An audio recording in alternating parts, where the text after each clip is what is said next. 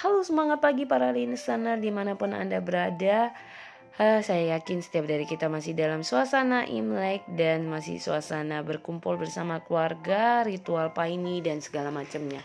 Dan hari ini Fitri ini mau berbagi adalah tentang Bagaimana perjalanan dua hari satu malam bersama keluarga ke kota Medan di bulan bersama.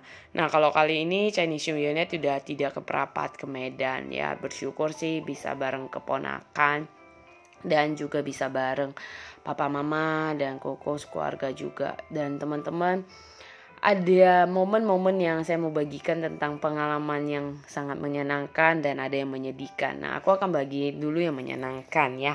Menyenangkan itu bahwa bisa menikmati lagi kebersamaan di saat saya bersyukur di saat saya bisa kayak serve my parents gitu loh apa yang mereka mau aku bisa bagiin kasih. Walaupun belum dalam kondisi Fitri yang cukup kayanya gede gitu ya tapi setidaknya masih punya yang Tuhan cukupkan.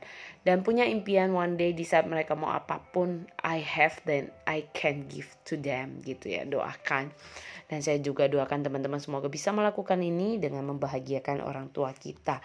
Nah pengalaman yang menyedihkan adalah sempet seingat saya saya ini juga kayak tradi tragedi yang sangat membingungkan ya kok bisa sampai segitunya dan kenapa harus kartu hotel hilang barang-barang lain malah enggak gitu ya. Enggak tahu saya udah simpan di tas handbag saya tapi kenapa pada saat mau buka pintu eh malah tidak ditemukan.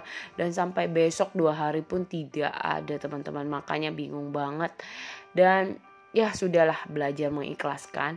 Dan satu hal yang saya belajar bahwa di dalam momen-momen Imlek atau tahun-tahun baru gitu tidak semua serta merta, merta hanya happiness. Kadang ada sadness yang mengajari kita sebenarnya ada hal positif di belakang semua itu. Jadi banyak hal yang saya belajar pribadi bahwa semua itu adalah hal yang tidak ada kebetulan namun bisa belajar mensyukuri bukan belajar mengeluh dan menyalahkan keadaan jadi teman-teman apa pun yang anda alami hari ini baik senang sedih baik dengan keluarga anda atau tidak atau anda jauh dari mereka tidak perlu khawatir, percayalah bahwa Sang Pencipta selalu tahu yang terbaik di dalam kehidupan kita.